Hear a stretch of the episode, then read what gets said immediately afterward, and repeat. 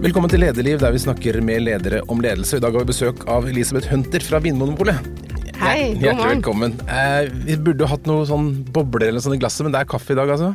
Ja, det passer greit så tidlig på morgenen. Mhm. Kaffe er fint. Og du er egentlig ganske ny i jobben din, for du har vært administrerende direktør i Polet siden september, men så har du vært konstituert siden mai, og så har du jobbet der veldig lenge, så du er eh, litt erfaren. Ja vel. Jeg gjør jo akkurat nå, da, ting for første gang. Eh, Som øverste leder er det jo annerledes enn å være del av en ledergruppe. Så plutselig er det jeg som er ansvarlig for styremøtene og bedriftsforsamlinga. Så kommer statsråden på besøk til tirsdag. Det blir også for første gang.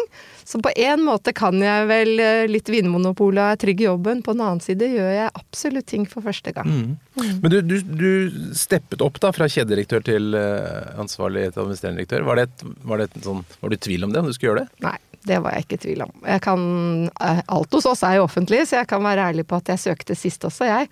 Og da var det jo noen annen som fikk jobben. Og nå søkte jeg også jobben. Og Så det er bare å holde ut, så får man jobben til slutt. ja, det, det er vel ikke sikkert, men det gikk i hvert fall min vei denne gangen, da. Hva er det som eh, gjør at du har lyst til å være sjef i Vinmonopolet? Altså jeg tror så veldig på hva vi driver med. Det samfunnsoppdraget vi har gjør at vi er en litt annerledes eh, aktør enn mange andre. Det at vi har denne bærende ideen om at vi skal selge ansvarlig.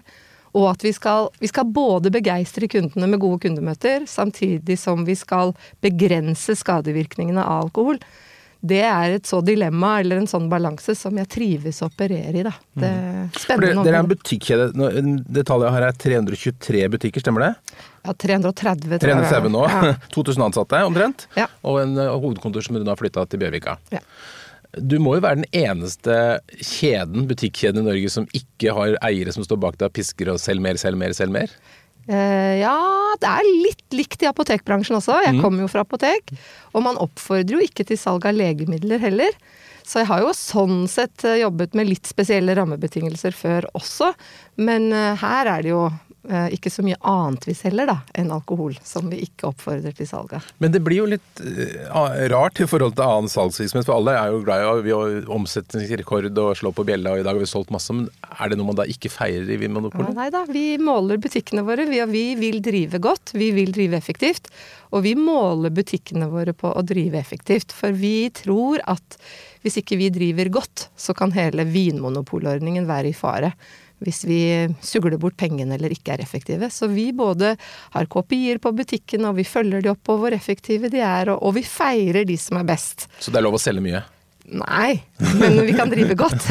og vi kan ha fornøyde kunder, og vi måler ansvarlig salg. Så det, er- hvis det er tre parametere som vi følger opp butikkene på, så er det da ansvarlig salg, altså at vi ikke skal selge til mindreårige f.eks. Og så er det kundemøte, altså vi måler hvor tilfredse kundene er med oss. Og så er det selvfølgelig også effektivitet, eller hvor godt vi driver økonomisk, da. Så de tre områdene. Men dette med vinmonopol, altså, vi er jo vant til det i Norge. Hvor, hvor spesielt er det? Hvor, hvor sjelden er vi i Norge som har et vinmonopol? Nei, det er jo primært de nordiske landene, is, inklusiv Island og Færøyene. Men det er også en rekke stater i USA som har hva de kaller controlled sales, eller kontrollert salg. Også hele Canada. Men det er jo selvfølgelig litt nordisk, da. Den nordiske modellen. Mm. Og du, du sier at dere må forsvare løsningen, men per i dag så er det, virker det ikke som det er omtrent noen som er imot Vinmonopolet. Dere er så flinke så alle vil ha dere. Ja, det, det er jo det vi faktisk håper på, da. At alle skal være så fornøyd med oss at ikke det blir en diskusjon om å gjøre det annerledes. Og vi mener jo også at vi kan dokumentere at ordningen virker. At alkoholkonsumet i Norge faktisk er lavt i europeisk sammenheng. Det er det kanskje ikke så mange som er klar over. Men vi tror at det har noe med vår ordning å gjøre, da. At vi faktisk har de tallene vi har. Det kom noen nye tall nå på at ungdom drikker mindre enn før. Mhm. Hvorfor det? Nei, det er vel en annen kultur, en annen tid. Eh, snittsalget per kunde tror vi går ned. Vi har ikke så veldig gode tall, men jeg leste også de tallene. Mm. Og det samsvarer litt med det vi tror også. Hva, hva er liksom de store trendene i, i produktutvalg? Hva selges det mer av, hva selges det mindre av? Det er jo, som vi snakker om, lyst og lett, da, som vi sier, som det selges utvilsomt mest av. Altså mer eh, hvitvin enn rødvin, mer med bobler enn før. Og etter hvert også mer champagne. Så det er det lyse og lette, som vi sier, som øker. Så vi har blitt et sånt eh, champagnefolk? Jubel og Nei, vi er ikke helt der enda, men det vokser. Det gjør det. Og så selger vi veldig mye mer alkoholfritt. Nå har alkoholfritt blitt en betydelig kategori i Vinmonopolet, og det var det jo ikke for noen år siden. Spennende. Og massevis av øl. Ja, det har vi også. Jeg prøver å ta vare på kategoriene våre på en god måte. Og øl er et område som vi har utvidet og laget spesialsortiment. Og mye håndverksøl og mye nyheter. Mm. Men jeg har forstått at det er ganske store forskjeller på hvor i landet, eller hva som selges hvor i landet? Ja, det er ganske gøy å følge med på at eh, vi har faktisk sett at trendene begynner på Oslo vest. Og så sprer de seg utover i landet etter hvert. Så hvis det er noe som begynner å selge godt på Oslo vest, så er det ikke mange år før vi ser at det selger også andre steder. Og hvor, hvor hvem, hvem fanger det opp sist, for å si det sånn? Eh, det er vel jo lenger nord du kommer, da. Hvis mm. Eh, f.eks. brennevinsandelen er eh, mye høyere i nord enn det den er her på Østlandet. Ja. Mm. Og hvor lang tid tar det, tror du, fra liksom de champagnevannene man har på Oslo vest i dag, kommer til Finnmark? Har du noen idé om det? Nei, Men i hvert fall ti år. Oh, ja, det er såpass, ja. Det tar tid. ja. Så hvis man, spå, hvis man, skal spå, Finnmarks fremtid, så er det bare å ta en tur på CC Vest på polet, så får man oversikt? Ja, det er faktisk litt sånn. Mm. Um, men er det noen trender på, på land? Altså, på, altså vi vil ha mer tysk eller fransk eller altså, italiensk? Italiensk rødvin f.eks. har jo vært eh, stor veldig lenge. Det er, fortsatt, det er, fortsatt, et stort område. Kommer sikkert til å være det også. Men vi ser at en rekke andre land nå kommer. Eh, det blir mer interesse for Spania igjen f.eks. Selvfølgelig også Frankrike. Nye verden, som vi kaller det, mm. kommer.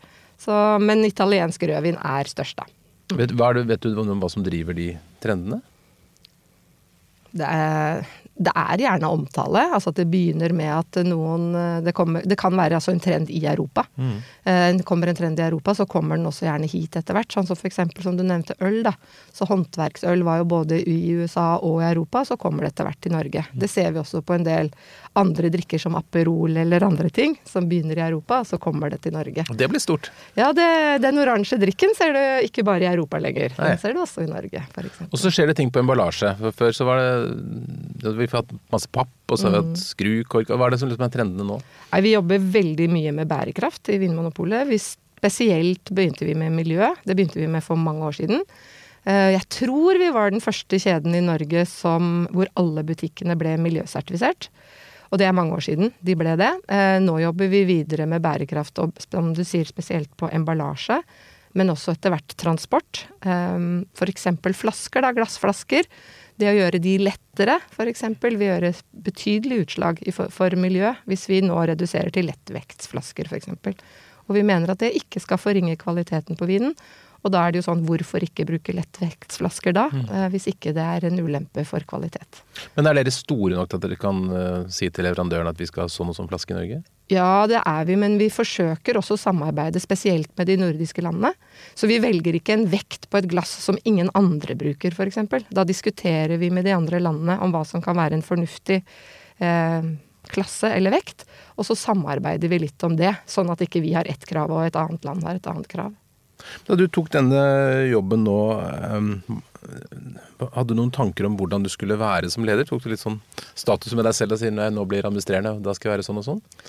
Jeg tror jo ikke du blir en annen person fra den ene dagen til den annen. Og jeg har jo vært heldig og jeg har vært leder lenge.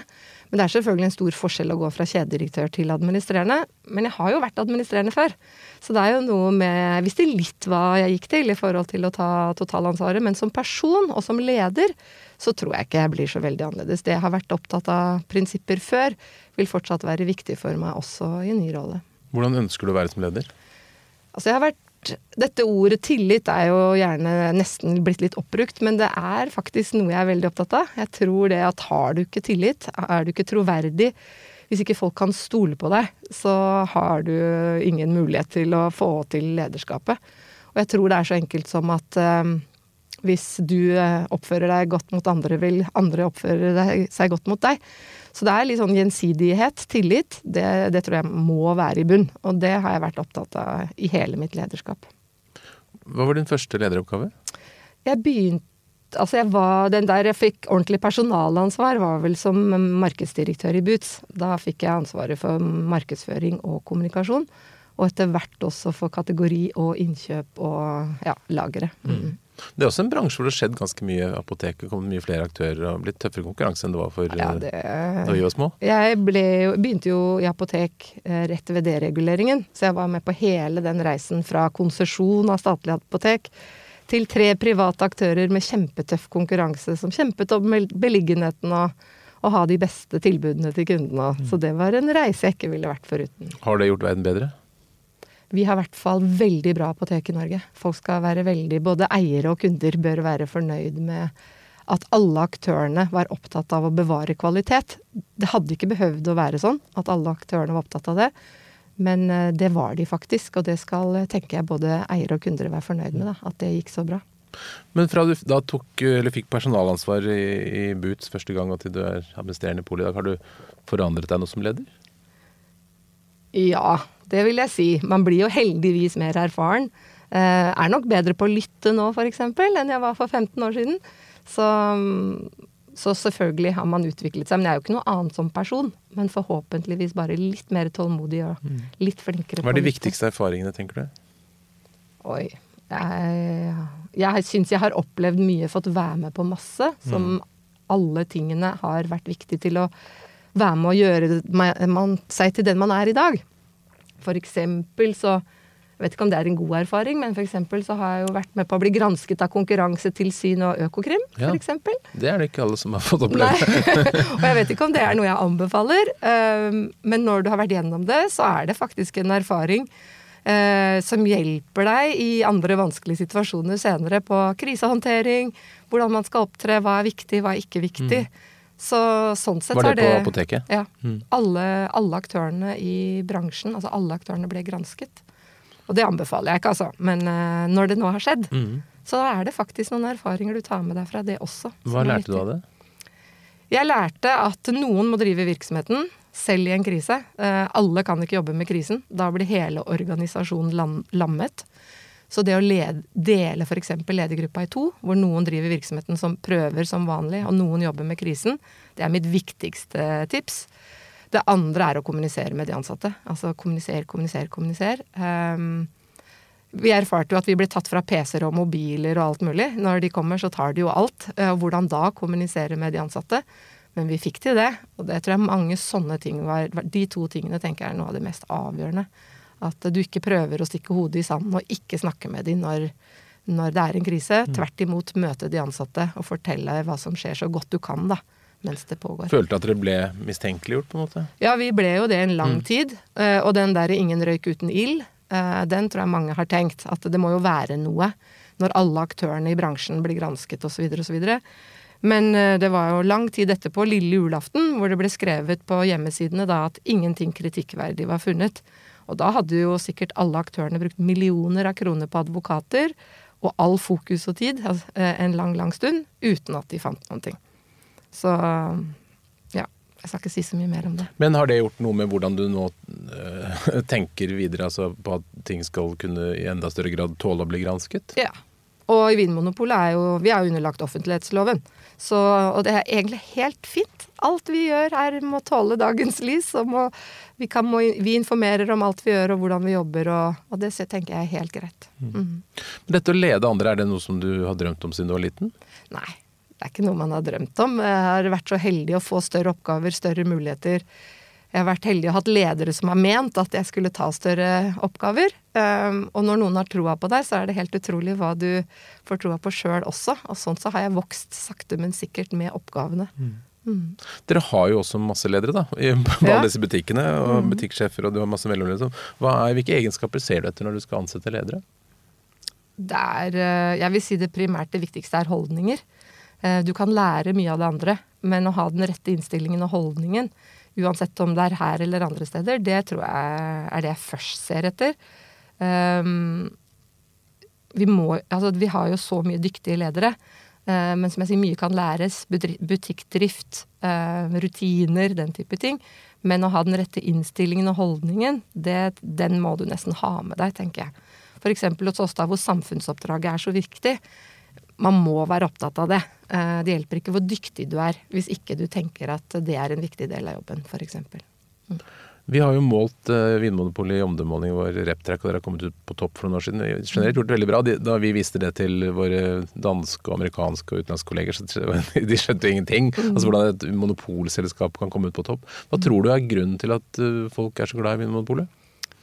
Vi har jo, jeg tror vi har gjennom våre ansatte klart å levere veldig gode kundemøter. Eh, det er de ansatte som er årsaken til at vi har de resultatene som vi har. Men jeg tror også at det er denne grunnleggende bærende ideen at alle ansatte i Vinmonopolet vet at hvis ikke vi ivaretar samfunnsoppdraget godt, så kan hele monopolordningen stå i fare.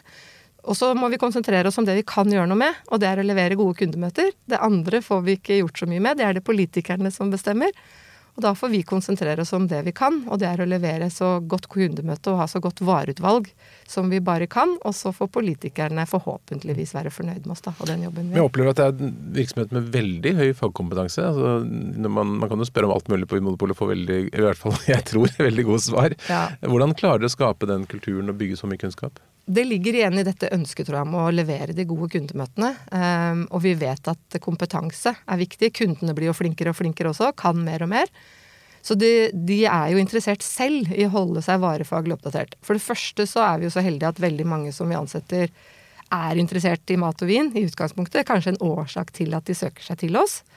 Og så vet de at de kan få mer varefaglig påfyll hos oss. Vi kurser jo våre ansatte masse. Vi har Halvparten av våre ansatte er jo på klasseromsundervisning her på kontoret hos oss årlig, i tillegg til all mulig e-læring, smaking i butikk og andre ting.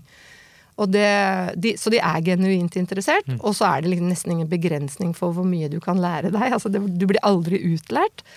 Og så er vi så heldige, for folk blir jo hos oss. Så alle kursene de tar, da, det er jo bare påfyll og påfyll og påfyll. For eh, et nytt kurs, så blir jo de ansatte, og kompetansen blir i virksomheten. Og så er det ikke sånn at alle ansatte kan alt. Men vi prøver å fortelle alle at de kan skaffe den informasjonen hvis de ikke har den selv. Så f.eks. i en butikk så er det ikke alle som kan champagne, eller alle nødvendigvis som kan uh, fransk rødvin, men det er noen på teamet som kan en del om det. Så hvis du som kunde kommer inn og spør veldig detaljerte spørsmål om et område, så forventer vi ikke at alle ansatte kan svare på alle dine spørsmål, men at de skal enten finne en i teamet, eller søke på nettsidene våre eller andre steder for å kunne svare deg, da. Men når man snakker med dem, så får man inntrykk av at de har smakt på alt? Ja, de smaker mye. Ja. de smaker mye, og de prøver å smake basis, og de prøver å smake nyheter. Men vi har jo over 20 000 produkter i sortiment, så de har selvfølgelig ikke smakt alle de. Eh, mange av de er jo på bestillingsutvalg også, så de har ikke det. Men ja, de smaker mye, og vi tror jo det er en viktig del av den kompetansebyggingen. Da. Men dere har da lykkes med å, å lage en, et sted hvor man kommer og føler at man får hjelp av folk som har skikkelig peiling. Det er jo dessverre ikke alle steder i varehandelen man, man, får den følelsen. Du har jo også vært, du har vært på apotek, men har, der er det veldig kompetente folk. Men så har du også vært eh, styremedlem i Enklere Liv, som har gått konkurs. Mm. Er, er, dette med kompetansen noe av problemet? At varehandelen mister grepet fordi de ikke har flinke nok ansatte?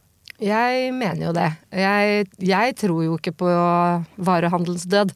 Jeg tror bare at vi må skape gode kundeopplevelser og ha noe å tilby som faktisk kundene er interessert i, så vil kundene komme. Og jeg tror altfor mange har tenkt at effektivitet eh, betyr færre ansatte, ikke nødvendigvis investere i de ansatte, og til slutt så var det ikke noe grunn til å besøke den butikken, fordi du fikk jo ikke noe råd og veiledning likevel. Vi ser jo nå at en del faghandlere begynner å snakke om at nå skal de begynne å kurse sine ansatte igjen, sånn at kundene skal få, vare, skal få råd. Og det tenker jeg jo at uh, de burde ha tenkt for ti år siden. Men det er forhåpentligvis ikke for sent. Men jeg tror det er helt riktig vei å gå. Hvis du skal male et hus, eller du skal gjøre et eller annet, så trenger jo du noe råd i forhold til hva slags type maling du skal ha, eller hvordan du skal gjøre det. Og hvis den bak disken ikke kan hjelpe deg med det, så det jo, kan man jo stille seg spørsmål om hvorfor gå dit da. Mm. Da kan man jo kjøpe den malingen hvor som helst. Mm.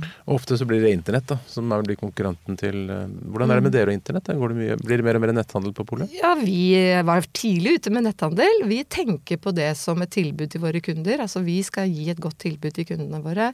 Og så er det opp til kundene å velge hvilken kanal de vil benytte oss i. Så det er mange år siden vi lanserte nettbutikk. Det var jo selvfølgelig også som en del av den strategien at vi skulle være tilgjengelig i hele landet. Så hvis ikke det var en vinmonopolbutikk der, så kunne du bestille på nett og få det hjem til deg, eller hente på post. Så det var en del av planen, i tillegg til da kundemøte også på nett. Eh, vi ser at veldig mange kunder bruker nett for å finne produkter, lese om produkter. Men de kan like gjerne ringe kundesenteret vårt for å spørre om råd, og så bestille på nett. Eller de kan sjekke på nett og gå i butikk. Så de bruker oss i alle våre kanaler, og det tenker vi er veldig fint. Og da er det opp til kundene å bruke den kanalen som passer best for dem. Hvor stor andel omtrent selges på nettet nå? Nei, den, den, det er hyggelig veksttall, men det er fortsatt under 2% av vår totale omsetning mm. som er på nett. Så selv om vi har vært lenge på nett, og den er voksende, så er det fortsatt en liten andel av den totale omsetningen. Så du tror ikke vi får noe vinmonopolbutikkdød? Nei, det tror jeg ikke. Men dere har åpnet flere filialer de siste ti årene? Ja, vi har faktisk 97 dekning, sier vi da. Mm. Eh, og det vi legger i det, er at 97% av Norges befolkning ligger i en kommune med pol, eller er under 30 km til nærmeste pol. Og det tror vi ikke det er så mange andre enn oss som kan si. Jeg tror ikke politiet eller apotek for den saks skyld kan eh, skilte med samme dekning. Så vi mener jo at vi har en god dekning i Norge, samtidig som vi vet også at det er en rekke kommuner som fortsatt ønsker seg vinmonopol. Og det tar vi på alvor. Og derfor har vi også utviklet et konsept for små kommuner. Kategori 1 kaller vi det. Mm. Kan være veldig små og begrensede med åpningstimer, men da har vi muligheten til å åpne butikk der som vi normalt ellers ikke hadde hatt anledning til. Og Polet er en viktig butikk eh, for et, eh, et lite bysentrum eller et, et kjøpesenter. Man slåss med å få polet i nærheten? Ja, det er mange som, og det syns jo vi er fint, da, at det er mange som ønsker seg et vinmonopol. Og det vi pleier å si, er at vi ønsker jo å være der folk vil at vi skal være. Så hvis det er et område med, hvor kundene forventer å finne oss, så ønsker nok sannsynligvis vi å være der òg. Men som leder, da. Hva, hva, du er jo relativt ny, så du trenger ikke gjøre de helt, eller komme med de helt store tingene. Men hvor vil du at det skal utvikles i den tiden du er som leder? Det, skal, det, skal det skje noen forandringer? Ja, vi har jobbet en lang stund nå med å utvikle en ny strategi. Eh, og styret har vært veldig tydelig på at den strategien ligger fast. Og den strategien tenker jeg gir oss det handlingsrommet vi trenger for å utvikle oss i takt med kundenes forventning. Og der ligger litt av nøkkelordene i takt med kundenes forventning. Vinmonopolet skal kanskje ikke være den aktøren som ligger helt i forkant og lanserer ting som du ikke finner noe annet sted. Men når kundene forventer at Vinmonopolet skal ha en tjeneste, så tenker jeg da bør vi også prøve ut det. For eksempel nå så har styret akkurat vedtatt at vi skal pilotere selvutsjekkasse. Det har jo ikke vi på Vinmonopolet i dag, eh, men nå er det besluttet at vi skal teste det. Og da tenker jeg at det som er avgjørende da, er jo at vi ivaretar sosial kontroll. Vi kan jo ikke ha selvutsjekkasse i Vinmonopolet hvis ikke vi klarer å fortsatt sjekke alder, beruselse, langing, den type ting. Så det blir jo testen og se om vi faktisk klarer å ivareta samfunnsansvaret-oppdraget, samtidig som vi har selgersjekka Blir det sånn alkolås som kan blåse i kassa? Nei, det tror vi ikke. Jeg tror det blir menneskelig kontakt, eller det blir menneskelig kontakt på Vinmonopolet, også i selvutsjekkassen. Det blir en interaksjon med en ansatt. Vi hadde Coop-sjefen her forrige uke. Han ja. uh, har jo lansert døgnåpen butikk. Kan vi tenke oss det på polet? Nå er det jo en lov som begrenser våre åpningstider da, til klokka 18, så da men eh, det teknologiske vil vel ikke være til hinder. For som du sier, du kan jo ha iris-scan og blås, kanskje. Eh, men det blir jo opp til politikerne å bestemme om det er fremtiden, tenker jeg. Men en ting som er litt pussig med norsk alkoholpolitikk, det er jo at du har disse strenge reglene, du skal liksom ikke reklamere og være veldig tilbakeholden. Og så har vi, hvis du drar på Gardermoen, så blir man jo pressa inn i alkoholavdelingen på taxfree. Mm. Som jo også er en offentlig eid eh, institusjon. Mm. Hva tenker du om det? Det jeg tenker om det, er at de må også forholde seg til norsk regelverk. På samme måte som oss, så må de forholde seg til norsk regelverk. Eh, reklameforbudet gjelder for oss, og det gjelder for dem. Eh, så får andre ta stilling til om de bryter det eller ikke. Men du hadde jo ikke fått lov å bygge et sånt pol på, på Sandvika Storsenter, hvor folk liksom ble pressa rett i Alle som kom inn døra, i måtte gjennom polet? Eh, nei, det hadde jeg vel ikke. Men skulle du ønske at dere kunne drive polet på, eller utsalget på Gardermoen? Vi har blitt spurt om vi kan. Altså våre eiere har spurt om dersom vi blir spurt, om vi kunne. Og det mener vi at vi har svart på at vi kan. Så dersom vi får muligheten, så skal vi være rede til å gjøre det. Men om vi faktisk skal, det blir jo noe politikerne må ta stilling til. Om de ønsker at vi skal eller ikke. Og sånn som det er nå, så ser det ikke ut som det er noe veldig stor politisk interesse i at Vinmonopolet skal overta taxfree. Men er det veldig stor andel av salget som går over taxfree? Ja, vi mener jo at både grensehandel eh, og taxfree er, eh, er, stor, og den er økende. Um, og igjen da så tenker jeg jo det er litt opp til politikerne om de ønsker den grensehandelen eller ikke. Um, igjen har vi litt dårlige tall på hvor mye det faktisk omsettes, men uh, vi leser jo avisen, og vi ser jo Statistisk sentralbyrå skrive om den økende grensehandelen, og hvor mye nordmenn faktisk handler i Sverige. Og hvis uh, den omsetningen hadde skjedd på norske vinmonopol, så hadde jo vi selvfølgelig satt pris på det.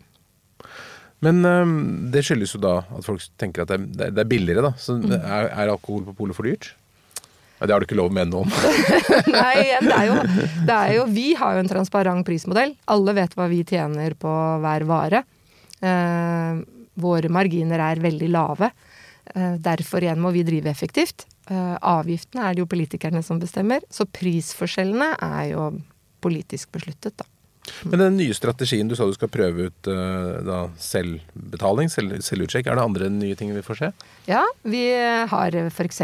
segmentert kundene våre inn i nye segment. Prøvd å finne ut hvem som er fornøyd med oss og hvem som ikke er så fornøyd med oss. Hva kan vi gjøre for at de som ikke er så fornøyd med oss, skal være enda mer fornøyd med oss. Og det er denne piloten igjen da, som vi skal se om vi treffer på kundenes forventning på det. Vi har allerede endret på sortimentet vårt. Vi har jo i dag har vi likt sortiment etter volum på butikken. Uavhengig av hvor den ligger. Så hvis du selger et visst volum, så har du et sortiment. Men da en butikk som har like stort volum på Grorud eller i Finnmark, har da likt sortiment. Det er jo ikke nødvendigvis den beste tilpassede sortimentet til kunden. Så derfor har vi nå delt opp butikkene våre på nytt i hva vi kaller lyst lett og rødt og mørkt. -hmm. For å prøve å ha enda bedre sortiment til ja. kunden. Så det er ett eksempel. Eh, andre eksempler er ny visuell profil, som vi skal pilotere og se på. Eh, de ansatte skal få nytt arbeidsantrekk. Vi piloterer klikk og hent. Eh, hvor vi har, vi har klikk og hent i dag i alle butikker. Men det vi ikke har, er et kundeløfte på om det skal ta to timer, eller hva det nå skal ta. Så det piloterer vi nå i noen butikker for å finne ut hva vi kan eh, gi til, som kundeløfte til våre kunder. Kan vi si at uh, klikk på nettbutikkene og hent i butikk innen to timer, sånn at vi kan kommunisere det på hjemmesidene våre, f.eks. Det er noen eksempler på operasjonalisering av strategi. Men du sier du visuell profil. Skal du tulle med den fantastiske logoen du har? Nei, det skal vi ikke. og vi skal ikke foreslå navneendring. Nei, det var bra. og vi skal ikke tulle med logoen. Men vi skal tilpasse den til geografisk trykk, f.eks. Sånn at det går an å bruke den på digitale medier. Den er jo god og gammel, så vi skal ivareta den, for mm. den er vi veldig glad i. Men vi må jo tilpasse den til å kunne brukes på digitale plattformer, f.eks. Men hvis vi kommer inn i et pol om ti år, da, hvordan tror du vi kommer til å merke forskjell fra i dag? Vil det være noe, Bortsett fra det litt grafisk profil, da? Ja, eh, det tror jeg. Vi, eh, for, for, det første er jo varemiksen endret seg betydelig. Altså Det er ikke så mange år siden at hovedomsetningen gikk på brennevin f.eks. Nå er det jo primært vin, og, og voksne både øl og alkoholfritt. Eh, så det lyse og det lette vil dominere veldig mye mer. I hvert fall hvis trenden fortsetter sånn som det er nå. Så vareeksponeringen i butikk vil nok fortsette å endre seg, tenker jeg, i hele landet. Din, eh, eller i hvert fall En av dine forgjengere var veldig ivrig på å være ute og, og jobbe. Mm. Er du også ute i butikken? Ja, det må vi. Det blir jo ikke så ofte som man skulle ønske, da. Men nå er det jo snart jul. Så nå har vi igjen oppfordret alle våre ansatte på kjedekontoret til å ta i et tak i butikkene før jul. Og jeg skal som vanlig ut i butikk før jul. Er du flink nok? Altså, til å være Ja, kan du nok om varme. Nei. nei. det er heldigvis så flinke folk i butikk ja. at jeg støtter meg på de. Eh, noen ganger tenker jeg vel at vi kanskje er til litt plunder og heft, eh, mer enn til hjelp når vi kommer. Sånn, å yes, Men, nå kommer hun. Ja. ja, nå er sånn hjelp, og hun tar mer tid enn hun er til hjelp. Men eh, jeg er blitt ganske, ganske god, ikke veldig god, men ganske god til å sitte i kassa og jeg klarer å spørre om legitimasjon, så jeg tenker jeg gjør min skade der, f.eks. Men å gi gode råd på gulv, det overlater jeg til de flinke ansatte i butikken. Hvordan virker det på de ansatte i en butikk når du kommer? Det kan vel hende at de egentlig syns vi burde komme på en annen tid enn til jul, når de har det så hektisk. Samtidig så er alle hender i jula til hjelp. Altså om det er å putte i poser, om det er varepåfyll eller hva det er, så setter de pris på at vi vet at de har det hektisk, tenker jeg. Mm. Men dere måler jo da eh, kundeopplevelser og masse, mange ting rundt hver butikk. Hva er det som kjennetegner ledelsen i de butikkene som er skikkelig bra? Hvordan er de beste butikksjefene? Altså de beste Om det er butikksjef eller på hvilket nivå, så tenker jeg det handler om de samme tingene. Eh, en god leder må se sine ansatte, kunne kommunisere med sine ansatte Og selvfølgelig vite hva som skal til for å drifte butikken godt. For jeg tror også det å levere gode resultater er motiverende og inspirerende. Så du må liksom ha den balansen, da. Både å være en god menneskelig leder, men også kunne drifte godt og levere godt. Da trives også teamet, er min erfaring. Nå har du blitt en sånn frontfigur da, for dette å synes i media, skal møte statsråd og en andre. Hvordan trives du med det? Jeg er nok en mer utpreget team- eller lagspiller. Um, og jeg tenker alltid at jeg er heldig å lede flinke folk, som er årsaken til at jeg er der jeg er. Uh, men jeg har ikke noe imot å gjøre den delen av jobben heller. Det, for eksempel når jeg er så heldig å motta priser, da, uh, på vegne av Vinmonopolet, så tenker jeg akkurat det. Jeg mottar den på vegne av Vinmonopolet. Det er ikke jeg som får den prisen, det er de ansatte i Vinmonopolet som får den. Og da må jeg gjøre en god jobb og ta den imot, uh, og fortelle om den, det arbeidet de gjør, som er årsaken til at vi har fått denne prisen, f.eks. Mm. Hvis det kommer en, en, ung person til deg og tenker at jeg skal bli som deg, Elisabeth, jeg skal bli sjef i en stor virksomhet, hva er det viktigste man bør gjøre for å bli en god leder? Først så ville jeg i hvert fall sagt at prøv å gjøre en god jobb der du er først. Eh, vis at du får til noe. Vis at du klarer å levere på de oppgavene du får. Vis sjefen din at du vil og kan og vil mer. Da tror jeg at du får større oppgaver. Eh, og hvis du da vokser sakte, men sikkert med oppgavene, så, og på en tilfredsstillende måte, så vil du til slutt eh, få mer. Mm. Fordi da er du til hjelp for andre, og du er til hjelp for sjefen din. Og da, de som er flinke, de får som regel mer. Mm. To råd til, var du det? Har jeg to råd til? Ja, du skal få gi tre. jeg tror jo at du må En disse med holdninger, da. Å ha en positiv holdning til eh, eh, Til å ville lære, ville Altså være engasjert eh, og positiv. Det tror jeg selvfølgelig er viktig. Og så må du jo ha en viss kompetanse i bunnen, da. Men det regner jeg jo med at de har. Du tenker fagkompetanse? Ja, på, mm. på, det området du vil jobbe med. Mm. Så du er ikke blant de lederne som tenker at en god leder kan lede alt? Mm det er en fordel at du kan litt om det mm. du skal eh, lede, for å kunne være en god diskusjonspartner med de som rapporterer til deg. Men jeg mener helt oppriktig at alle som rapporterer til meg, kan det de jobber med bedre enn meg. Så det er en balanse, det der òg. Fantastisk. Ja. Du har tatt med en artikkel om ledelse som du syns var bra. Hva, hva handler den om? Jo, jeg visste jo at du kanskje kom til å spørre meg litt om ledelse. Um, det ligger litt i kortene? Ja, det ligger, ligger, litt i kortene. Og så leste jeg akkurat um, en artikkel. Um, man leter jo alltid etter hva er det som skal til for å lykkes, mm. og uh, hva er det som gjør en god leder, og hvilke bedrifter får det til. Og så leste jeg at det faktisk var nå en dame som heter Kine Norheim, som har levert inn en doktorgradsavhandling om akkurat det. Mm -hmm. Hun har faktisk forsket på hva som skal til for å lykkes. Uh, og det syns jeg var så bra. Og, så var det bare fire ting. Ja, det er fint. Så da tenkte jeg at det kunne jeg ta med meg på jukselappen ja, min. Sånn hva, og de fire tingene er da? Hva er det for noe? Det er faktisk tillit. Det er liksom én.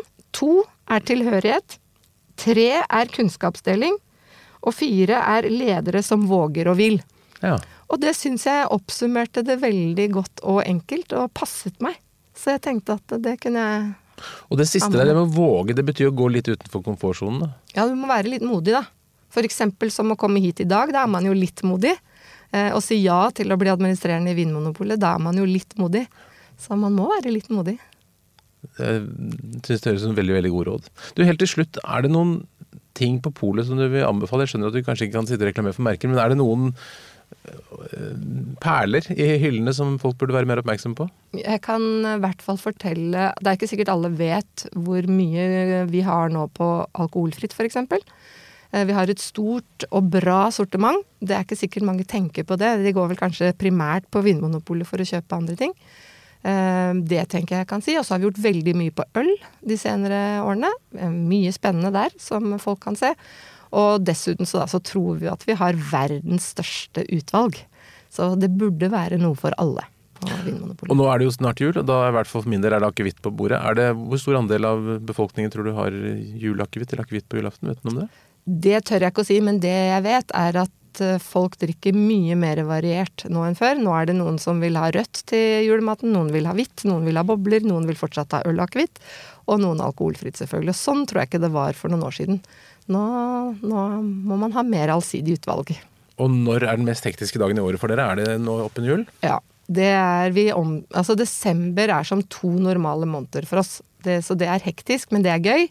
Uh, og det er Vi ser at kundene handler senere og senere, så de siste dagene før jul er forferdelig uh, og morsomme. Hektiske. Så jeg oppfordrer selvfølgelig alle å gå litt før siste dagen.